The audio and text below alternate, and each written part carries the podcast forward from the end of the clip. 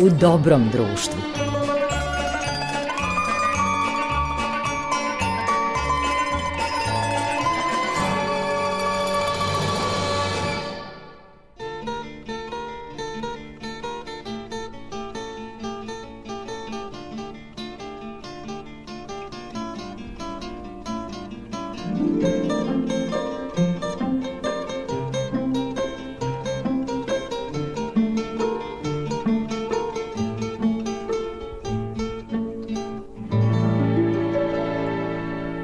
Slušate emisiju u Dobrom društvu na talasima prvog programa radija, radiotelevizije Vojvodine. Poštovani slušalci, uz vas su i ovoga puta Marica Jung, koja tonski uobličava ovu emisiju i vaš domaćin, urednik emisije u Dobrom društvu, Goran Vukčević. Ovoga puta imamo gosta. Gost je prvi čovek časopisa koji je obeležio život mnogih generacija. To je časopis koji se reklamirao kao magazin za čitaoce od 7 do 77 godina i doživao je svoje zlatno doba početkom 70. godina prošlog veka. Reč je, naravno, pogađate o politikinom zabavniku koji se čitao od Vardara pa do Triglava i danas ima svoje verne čitaoce, zanimljive teme i kako kažu, on je bio u stvari preteča interneta. Internet nekih generacija koje su se rodile mnogo pre Google-a i različitih društvenih mreža.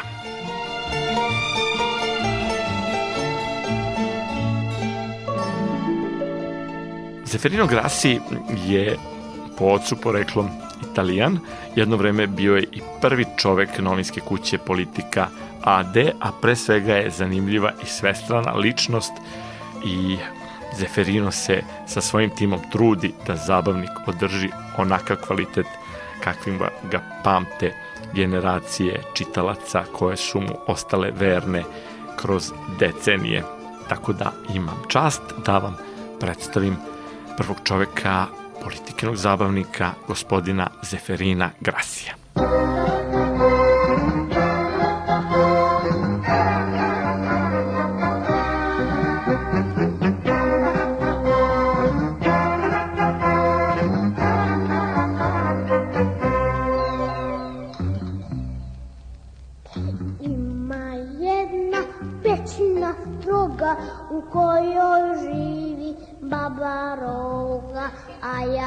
valjda razumete jedno veoma hrabro dete. Pa sam rešio upravo stoga da joj pokažem jednog Boga. Ali valjda na i sami, baba roga se krije u tani Nosim joj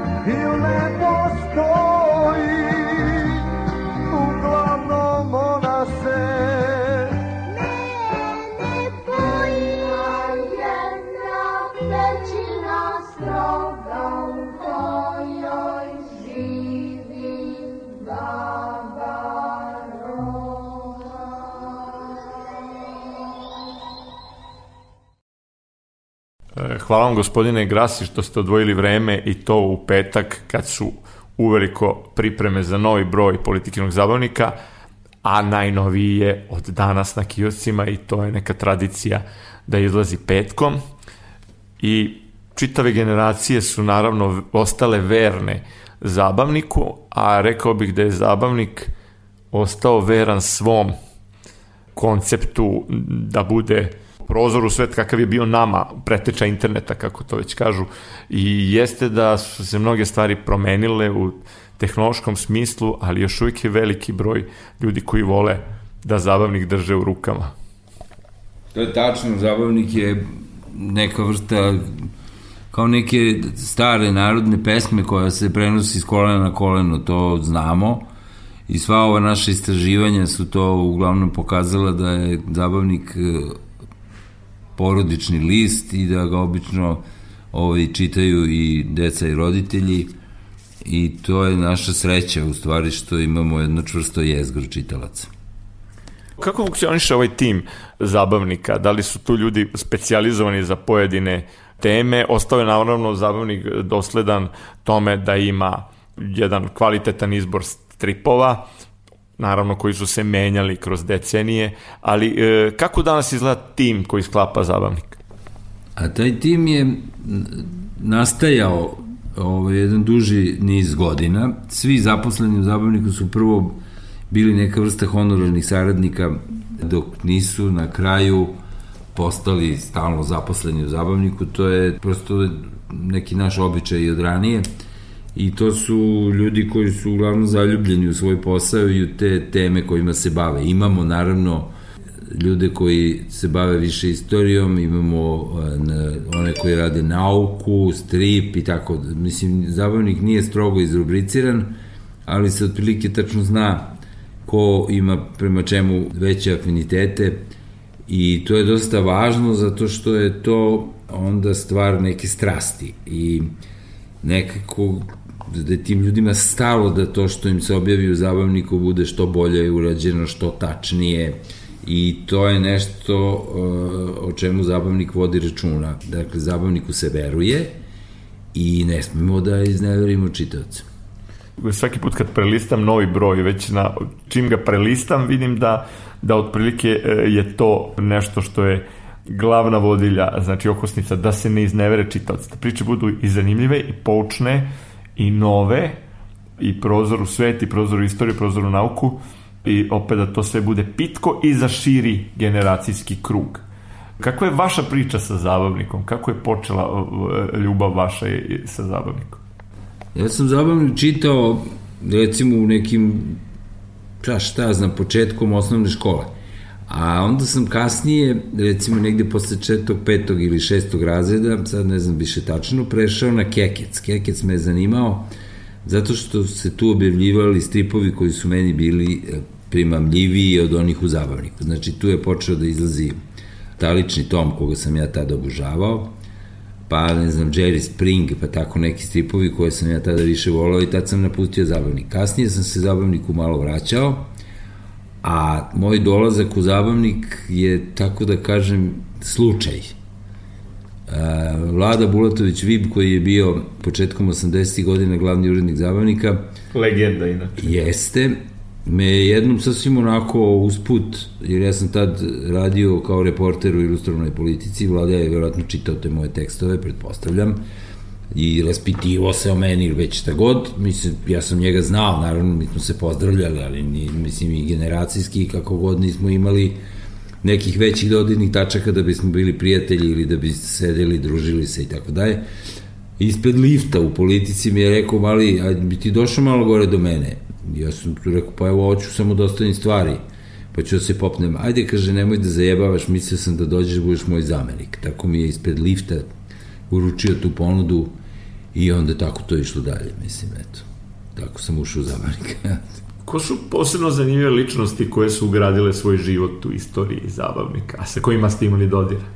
U, to je veliki broj. Mislim, počeo od Dragutina Gostuškog, Mome Kapora, mislim, da, Duška Radovića. Duško Radović je stalno govorio da mu je žao što nije uspeo u životu da uređuje zabavnik. On je uređivo poletarac, ali eto, volao je, to nije mu se ta ovaj, želja ostvarila. Mnogo ljudi je bilo. Ljubo Popović mi je govorio, ja, ja sam svašta radio u životu i to, ali viš, nisam nikad ilustrovao za zabavnik. Ja kažem, pa dobro, ajde, to možemo da organizujemo. Ma ne, sad je to bez veze, ali kao, pošto on skuplja zabavnike, imao zbirku, on je meni rekao, ako zabavnik nekad zapadne u neke muke finansijske, ja ću prodam sliku, dve, tri, koliko treba da vam dam para da se izvučete. To je lepo, to tako ponuda se redko desi. Pa da, to je baš ono je bio ovako jedan izuzetan lik. Laf. Tako da, ovaj, eto tako, mnogo je tu ljudi prošlo, više ne mogu toga, ponekad se setim nekoga koji mi je tako prosto negde zaostao u zaboravu. mnogo ljudi je prošlo kroz zabavnik, a i zabavnik je svašta prošao tokom svoje istorije i naravno i ratove i sankcije e, nad Disneyevim likovima i toga se sećam i svoje zlatno doba to je ono doba u ovom našem serijalu radijskih emisija u dobrom društvu bio je gost e, Lazo Sredanović koji je radio Dikana i da. čini mi se da je to bio zlatni period te 70. godine kad se i moja priča negde sa sa najslađanom dogodila i uopšte tad je, čini mi se, to, su, to je bio milionski tiraž, to je bila Velika Jugoslavija, latinično izdanje, čirilično izdanje, vrhunski stripovi. I sloveničko izdanje. I sloveničko. Da, to su bilo tri izdanja. Jedino nije bilo na makedonskom. Ni, to se stalno kao pominjalo, ali politika procenjivala da... Je suviše malo. Da, da, malo tržište, tako da mi smo u, u tim 70-im imali e, prosečan tiraž e, blizu 400.000 primjeraka po broju, nedeljno smo izlazili u ta tri izdanja. Što je danas nezamislivo? Pa nezamislivo je, zato što prosto tada nije bilo ni, ni toliko novina na kioscima, drugo nije bilo telefona, interneta i svega toga, to je jedno prosto drugo vreme. Zabavnik je u svojoj istoriji preživeo pojavu televizije, jer tad se govorilo kad je 60. godina televizija krenula i kad su da će sad zabavnik. domovi počeli da se popunjavaju televizorima, kao to će udariti na zabavnik i tako nije udarilo, verovatno jeste malo uticalo, ali tu smo se izborili E sad vidjet ćemo kako ćemo proći s internetom, ja se nadam da ćemo i tu nekako naći svoje mesto. Jeste da... To je čini se bio jači udar od televizije. Pa jeste, ali e, i promenilo se, to je sad, to je najveći problem su ovi mobilni telefoni, ili ove mlađe generacije da su prosto naučile da... Ne znaju za drugo. Da, tako je. I onda prosto im je to blisko, a zabavnik, e, pokušali smo to, ali zabavnik veoma teško staje u format mobilnog telefona pre svega zbog tih lepih velikih ilustracija i Stripa, to je da. teško to napraviti. Pa strip bi mogo da se nekako spakuje, ali utisak cele te zabavnikovske priče bio bi potpuno drugačiji i nedovoljno privlačan. To smo probali, neki mladi ljudi su, koji se inače bave pravljanjem tih aplikacija, su to pokušali i onda su nam sami priznali da je, da to, to, da je to nemoguća misija. Da. Tako da smo toga odustali. Imamo ovaj, na, na Facebooku smo, tu imamo preko 400.000 pratilaca, to je zanimljivo, ali ti naši pratioci, e, mi među sobom ovde pričamo o tome kao ovo bi bilo bi fenomenalno kad bi sad, kad jedan onako deo tih ljudi počeo stalno da kupuje zabavnik i da nam dolazi na kioske.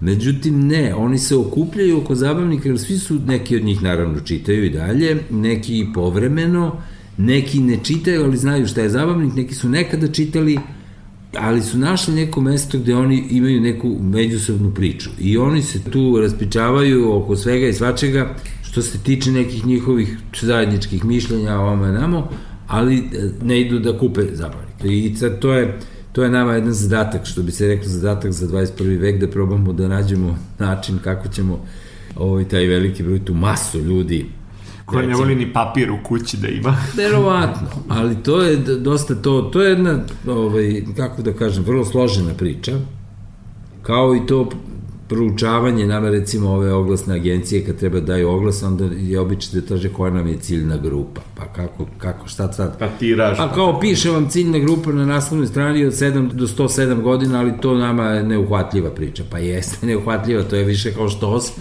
Kome se ali, obraćamo? Pa da, ali šta sada, porodični list? Kome se obraća porodični list? Pa obraća se porodici. Pa ko čini porodicu? E, pa mama, tata, baba, deda i tako dalje i tako bliže, tako da to je to. Eto. Nema tu tako iz, iz nijansirane ciljne grupe. Sad ćemo napravimo malo muzičke pauze, mogli bismo neku Disneyevu melodiju, pa, pa nastavljamo razgovor.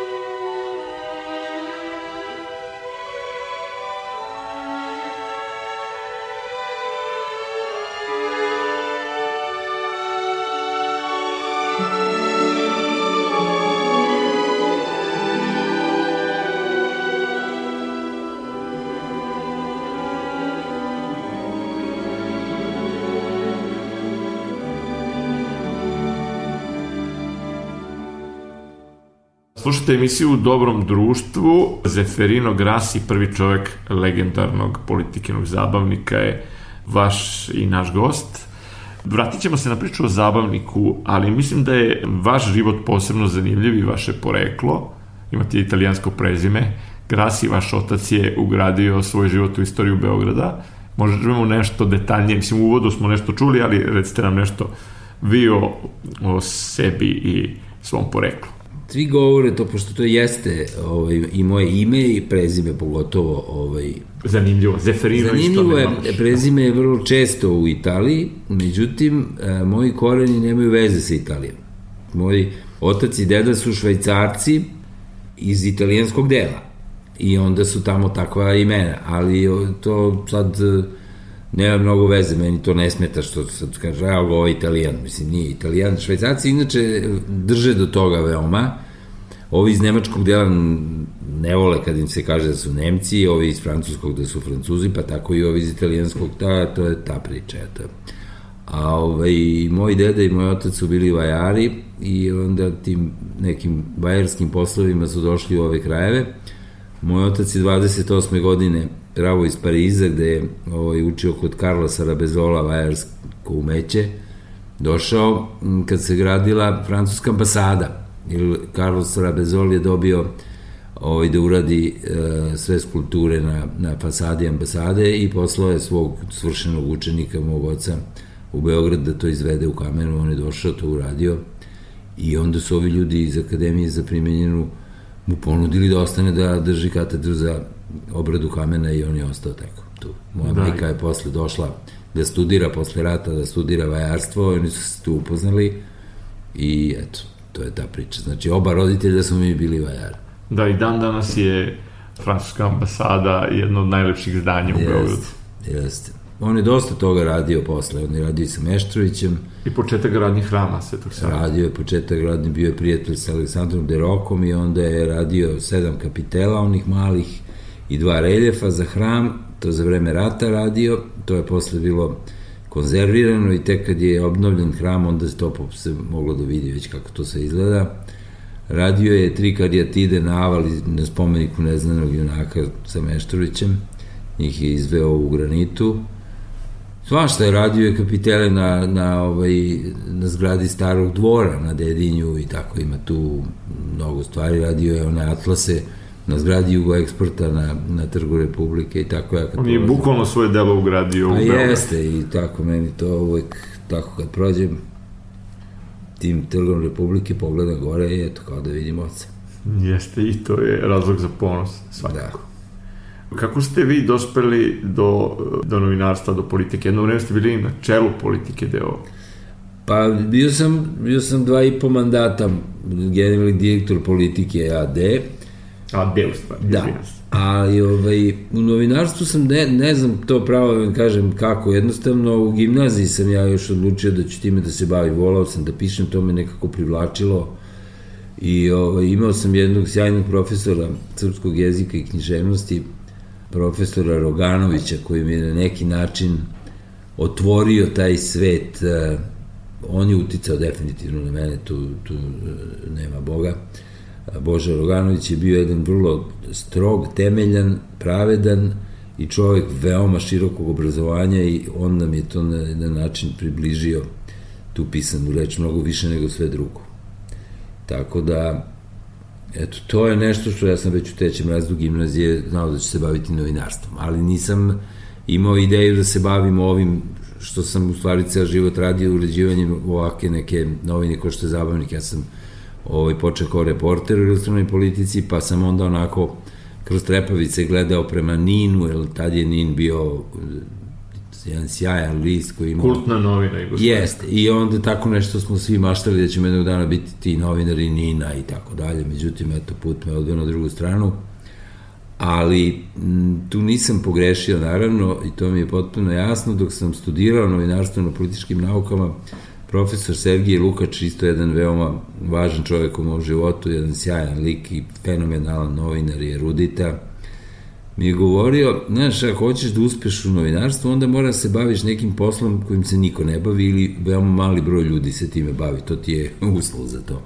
I to se pokazalo kao tačno. Mislim, ja sam 30 i evo koliko već, 33 godine glavni urednik zabavnika, što je, ja mislim, neka vrsta ovaj, Guinnessovog rekorda ovde na našem ovaj, području, ne znam da li ima neko ko je duže od mene na takvom mestu, ali to je zahvaljujući tome što to nije privlačno mesto. To je dosta složen posao i traži neke stvari koje ovaj, mnogi možda nemaju i onda sam prosto opstao tu, eto. I treba biti, kako bih rekao, da imati i organizatorski dar i, i dar za rad s ljudima koji nije ni malo jednostavan i da sve bude na vreme gotovo, što je takođe e, uvek problem. Ja nisam nikakav plan, prosto taj taj rad sa, sa ljudima je nekako spontan i ne znam, eto, niš, ništa tu nisam ja ovaj, imao neke proračune i slične stvari, nego eto tako išlo neko, nekim svojim tokom, mislim, sve to. Meni se čini da ovde nema ni blizu onoliko stresa koliko ima recimo na televiziji. ne, ovde, ovde stresa nema uopšte, mislim, nema stresa. Ima nekad, evo, sad smo u nekoj situaciji kad ne možemo da zatvorimo neku rubriku, a danas je ovaj dan kad mora da se šalje zabavnik u štampariju i onda je tu sad malo jurnjamo oko toga, ali to je daleko od toga što je u dnevnom ili agencijskom novinarstvu ili na televiziji ili na radiju gde su te vesti u pitanju, to je onda buka. Kako ide ta priča sa licencama, sa stripovima, sa autorima?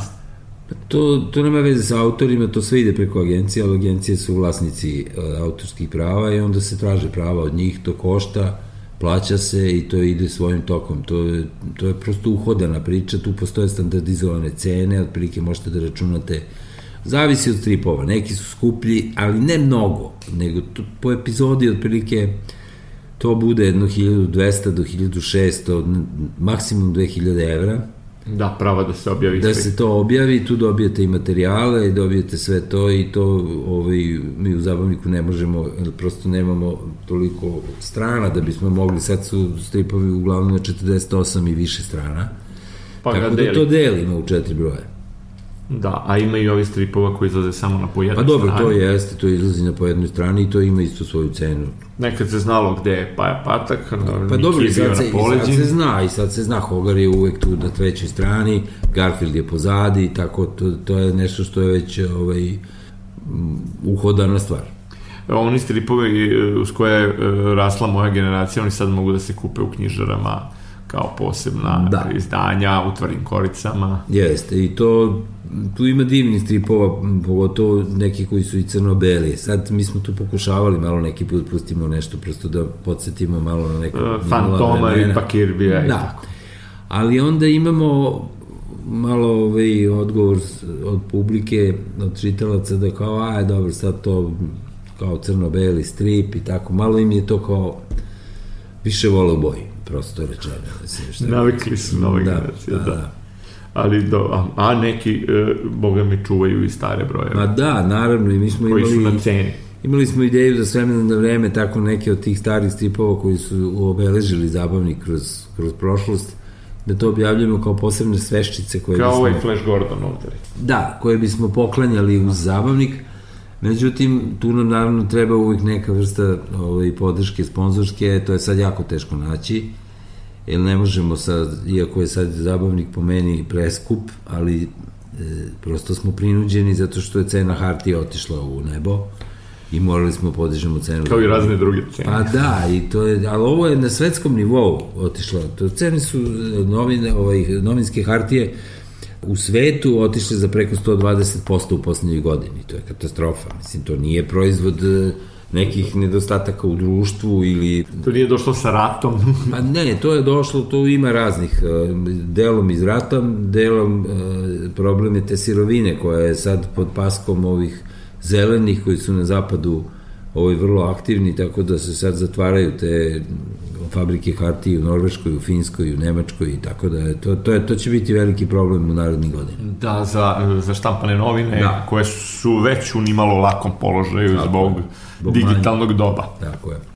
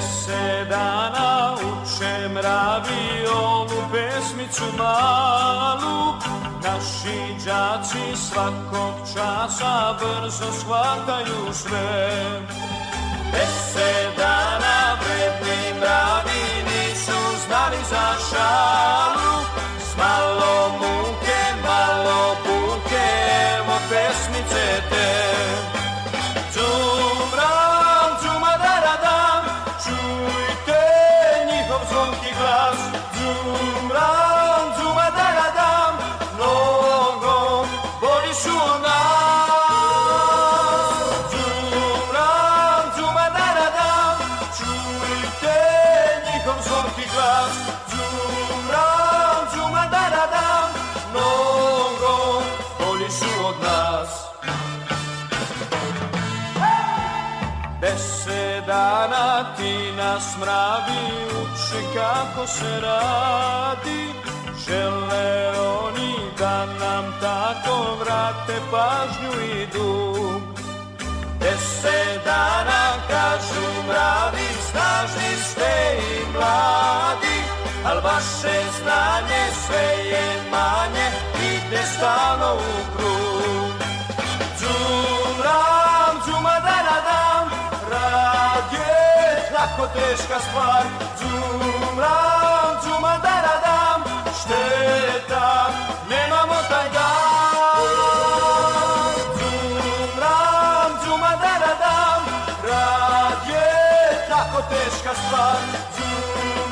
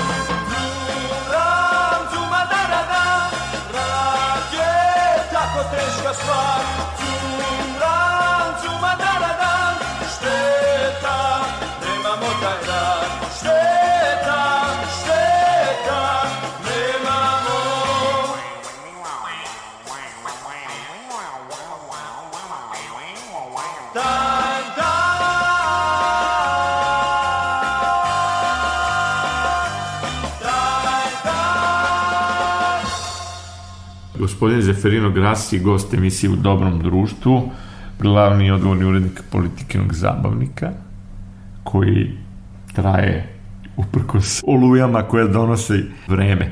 Šta je lično od prošlosti zabavnika ono što je bio, e, recimo, vaš izbor, vaša šolja čaja, ono što ste vi najviše voleli? Dosta je teško pitanje, ali ja mislim da, da to ipak, em, ipak je strip to. Ja sam volao strip i sad ga volim i čitam. Ne volim baš sve stripove, nikad nisam čitao ove superheroje, Marvelove i DC-eve, te američke stripove, to, to nisam volao. Volao sam ove stripove koji imaju neku priču, naravno, e, na prvom mestu mi je tu Corto Maltese, to je moj obožavani lik. Ali eto, to mi je na neki način nešto što mi je najdraže bilo uvek u zabavniku. Ma- Mada i te neke zanimljivosti koje mi pokušavamo sad da održimo u zabavniku, a to su neke priče koje se tiču poznatih događaja i poznatih ličnosti, ali neke stvari koje nisu poznate iz, iz tog okvira. Znači, da su malo neobične priče o poznatim događajima. To me je privlačilo uvek. I to i sad gledamo, to nam je nekako i ušlo malo ovaj, u zabavnik kao nešto što pokušavamo da imamo u svakom broju. Koliko I što, je, što niko ne radi u stvari, to Tako su... je, tako o, je. to je nešto što je vaš adut. Jeste, jeste, tačno tako. Da, to je kao, e, recimo, ovaj, u aktualnom trenutnom broju ova priča o rekonstrukciji kruna Jest. kroz srpsku istoriju. Da, mi smo tu sad malo potrčali, bi, prvi smo, inače o tome će biti reči veoma mnogo i to kad se dohvati televizija, toga biće tu i emisija, to je vrlo zanimljivo kako je to rađeno, to je ono što mi kroz zabavnik ne možemo da pokažemo, ali televizija će moći da to pokaže kroz nekakve filmove kako je došlo sve, kako se te otisci prave na osnovu čega, kako se radili nacrti i tako dalje. To je u pripremi, zato što ovaj istorijski muzej priprema sve krune, odnosno sve krune naših vladara koji, koje su mogli da nađu na freskama, jer sa fresaka su u stvari skidani izgledi tih kruna. E, mi smo sad potrčali da objavimo ove tri koje su postojeće. Da, e, zanimljivo je i ona priča o šlemovima koji su pronađeni u Vojvodini, koji se čuvaju u, u Vojvođanskom muzeju, nešto je naravno i u Sremskoj Mitrovici. Pretpostavljam da je o Sirmijumu bilo priča i o šlemovima. Bilo je više puta, ali sad e, sve je to davno bilo i to je ono što zabavnik mora da obnavlja te neke dobre i velike priče iz svoje prošlosti, zato što sta sve ove nove generacije koje su uskraćene, ne sećaju se, ne znaju, nisu bili tada čitavci zabavnika i ne znaju za to, a to je zanimljivo, a niko drugi to dalje nije provlačio i objavljivao. Moramo tako posle jedno 7, 8 do 10 godina neke stvari da objavljamo ponovo. Malo da ih Naravno, preoblikujete. pre- naravno i, do, i pojave se neki, Nove neke nove pojedinosti, činu, neke pojedinosti nove u vezi sa tim, pa onda to se dopuni i tako. Ali to prosto moramo. Jer možemo još da čujemo neke posebno zanimljive priče iz novijeg perioda zabavnika, koje su na vas ostavile baš onako utisak poseban. A, a vezane su recimo za istoriju našeg tla. da bih morao sad da ovaj, se malo pripremim za to da odgovorim na to pitanje. Ali ovaj, sad mi trenutno ovako na prvu loptu ništa ne... Zato što je toga izuzetno mnogo. Jeste, to je tačno. Prosto skoro svaki broj ima neku Pa priču. ima neku takvu priču. Mi sad spremamo za ovaj sledeći broj jednu zanimljivu priču iz memoara kralja Milana kad je abdicirao.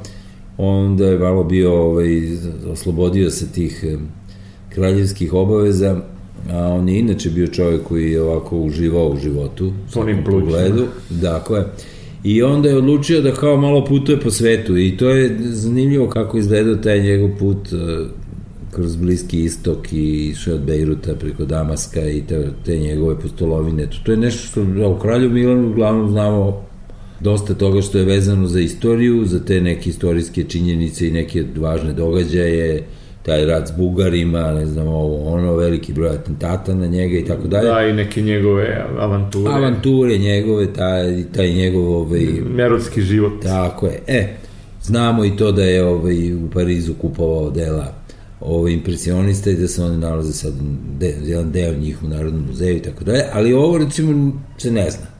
A on se tamo odlično provodio i susretao neke zanimljive. E, sad to je priča za zabavnik i to mi sad imamo. Već smo jednu objavili, sad ćemo u ovom idućem broju imati drugu, koja nije direktan nastavak, ali iz te priče je. To je sjajno, jer ima onda to, u zabavniku se nešto pronađe što ne možete ni na jednom Pa da. drugom mestu da nađete. Da, trebalo bi da pročitate e, Milanove memoare, ali ko će sad da uzme da čita cele memoare da bi, i to, mislim, mali broj ljudi se time bavi. A onda, recimo, imali smo e, priču koju nam je pisao profesor Rade Radić, koji je šef katedre za vizantologiju, tome šta, se, šta su Vizantinci jeli, kako su se hranili, kako su pripremali tu hranu, šta su i tako dalje.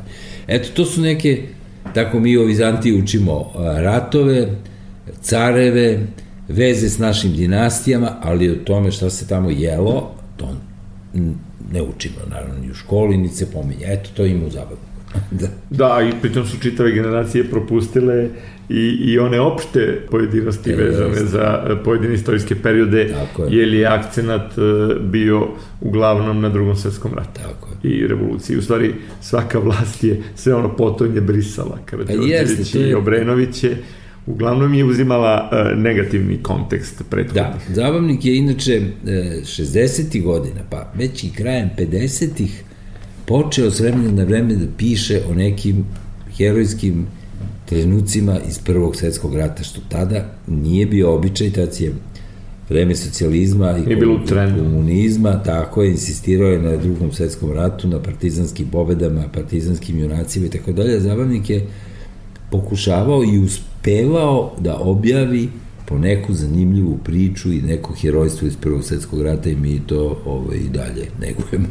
Jeste, pošto čuvam neke brojeve koji su preživjeli poplave i selitbe, nema ih mnogo, ali sam se iznenadio da su tu mogli da se nađu periodi koje mi nismo imali u učbenicima.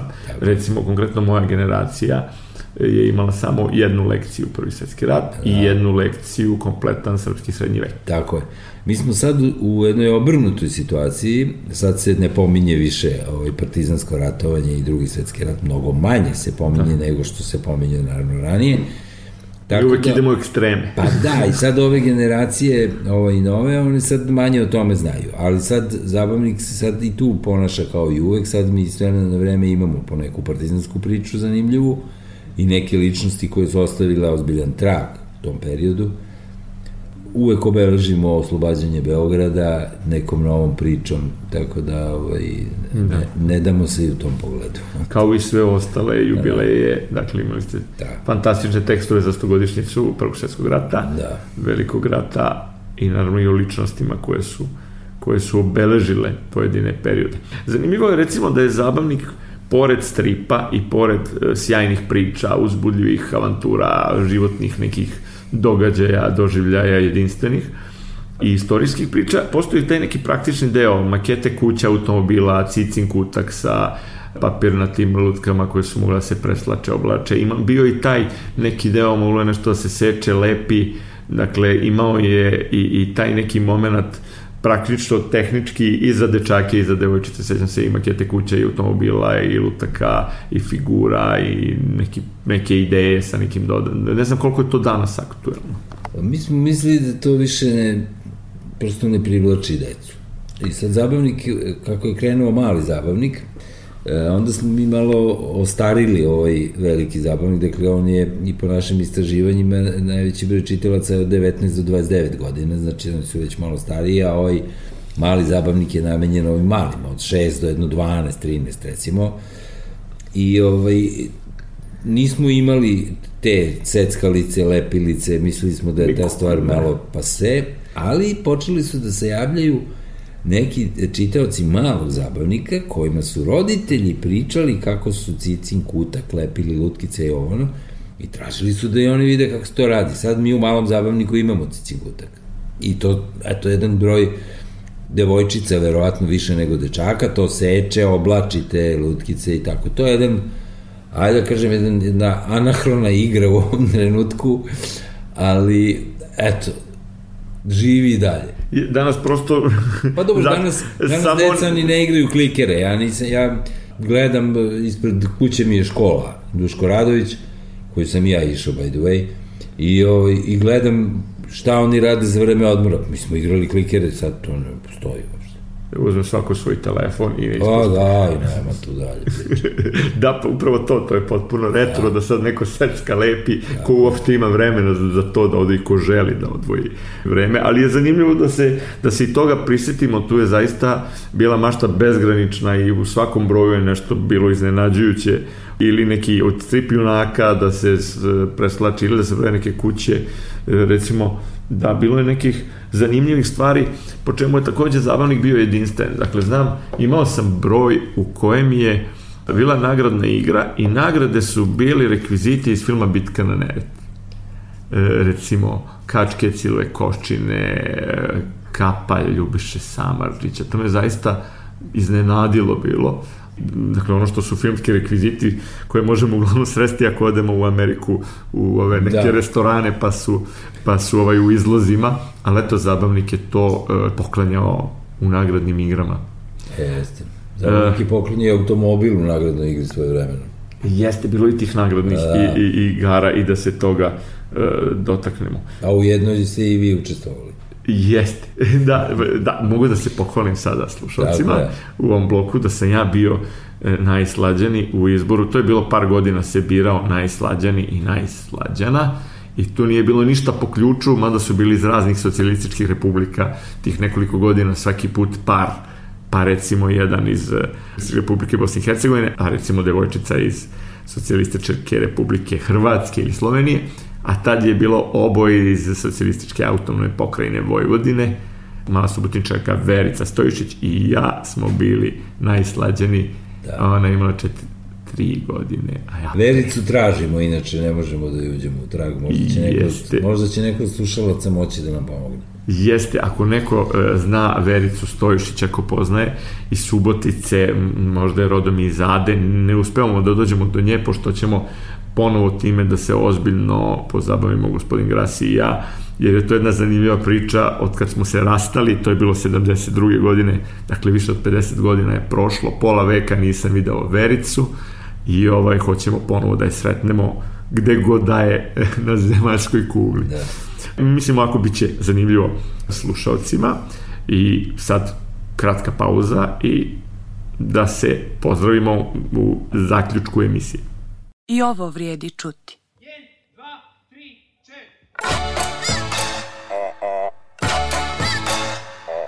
Bila mama kukunka, kukunka, bio tata taranta, taranta. Imali su maloga juju. Jednom su se šetali, šetali, kraj duboke rijeke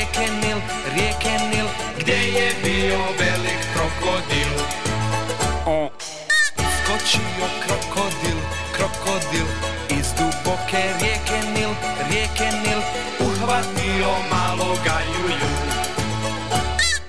Plače mama kukunka,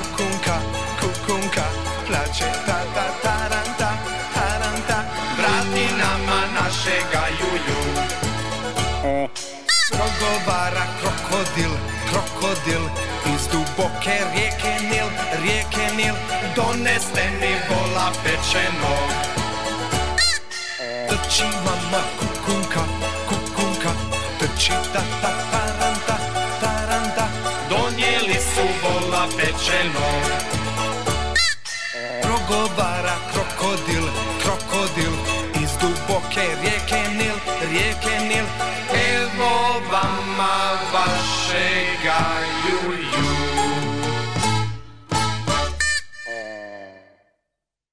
Gospodin Zeferino Grassi, za kraj da nešto kažemo i o planovima politikinog zabavnika.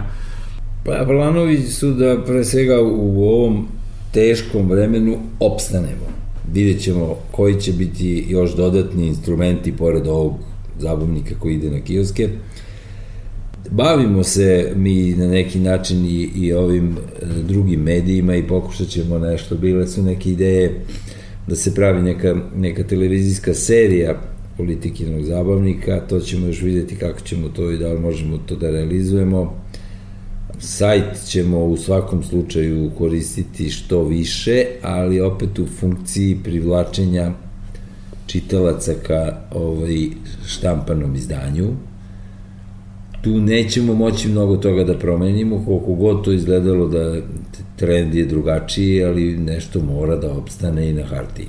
Kao što smo vidjeli pre, ne znam, deseta godina, se govorilo o pojavom Kindla, da će nestati štampane knjige, da će svi čitati sa ekrana knjige, pa nije se to desilo. I, i dalje se knjige štampaju u ogromnim tiražima i čitaju i tako da ja se nadam da će zabavnik da opstane. Naravno, mi se prilagođavamo vremenu, nekim promenama i tako dalje, ali ta naša ideja vodilja koja traje još od 39. godine kad je pokrenut zabavnik, da bude malo zabavne, malo pouke i da idemo po toj tankoj crvenoj liniji koja razdvaja zabavu i pouku, a da nikad ne skrenemo ni na jednu ni na drugu stranu, da ne budemo dosadni, znači da ne popujemo, da ne ličimo a, na školu, nego da to bude jedan tako jedan zanimljiv, kako ste vi na početku rekli, prozor u svete. To prosto nam je to, to nam je, to nam je plan.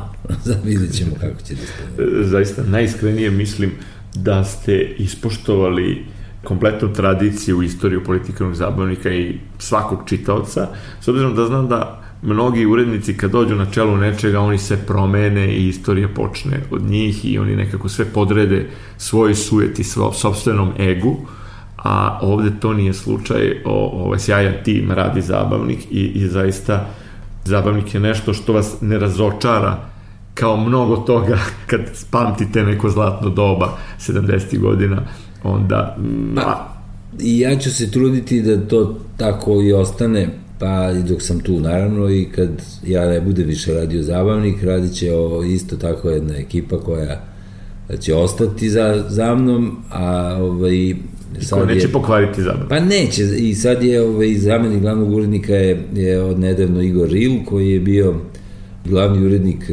nacionalne geografije, jedan čovjek koji isto ovako razmišlja zabavnikovski i posvećen je tome, ja mislim da će zabavnik nastaviti dalje ovim istim putem i kasnije i da će to prosto da se održi koliko god je moguće. Jeste i da podsjetimo da je zaista e, i, i likovni i vizualni kvalitet uh, sjajan, unapređen. Postoji jedan period čini mi se da su to bile ove 90. godine, kad je jako, jako bio loš papir, loša štampa, vrlo nekvalitetno. Jeste, tad smo štampali zabavnik onoliko koliko je bilo hartije. 90. godine dok su bile sankcije, nije bilo hartije i mene direktor tadašnji Antić zove i kaže ovaj broj zabavnika ti štampamo u 7000 primjera. Kaže, malo bre, 7000, mi smo prodavali 30.000. Pa kaže, nema hartije, šta ti kaže. I tako je bilo. Ima nekoliko brojeva koji su tako izašli. Oni su sad redke na tržištu, mislim, to je to, to ko je sačuvao može sad nešto i da zaradi. To je, da.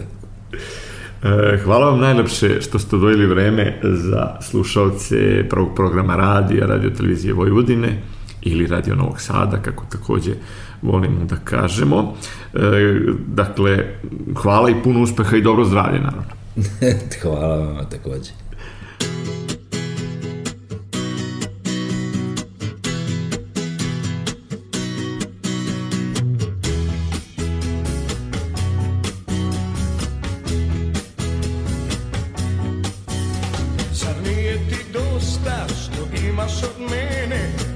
pa što dajem ja. Zar nije ti dosta što nijednog časa Bez tebe ja nisam sam? Zar nije ti dosta što samo bez tebe Ne mogu živjet ja? Jedina moja, o ljubim te. Zar nije ti dosta to sve?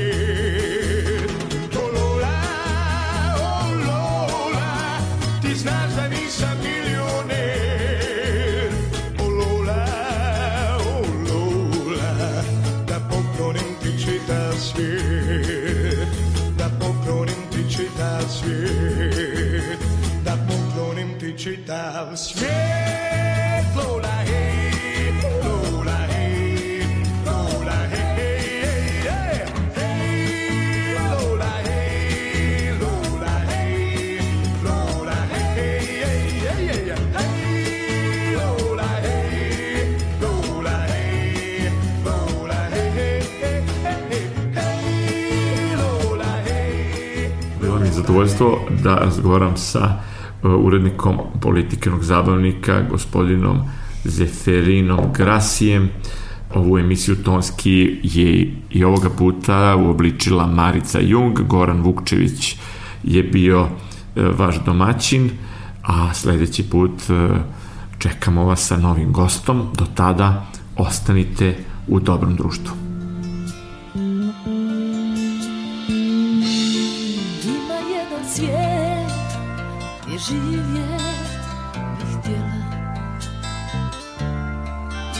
jedan svijet Jer riječi su djela U tom svijetu živi čovjek Sjajem sunca rođen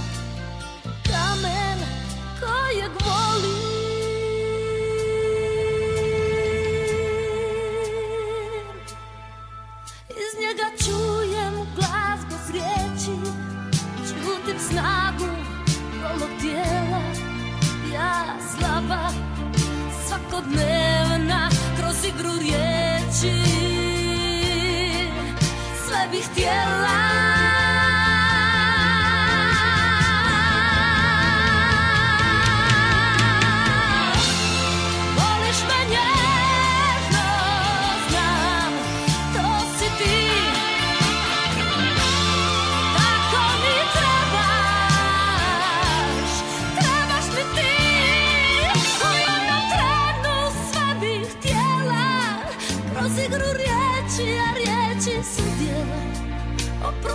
all in the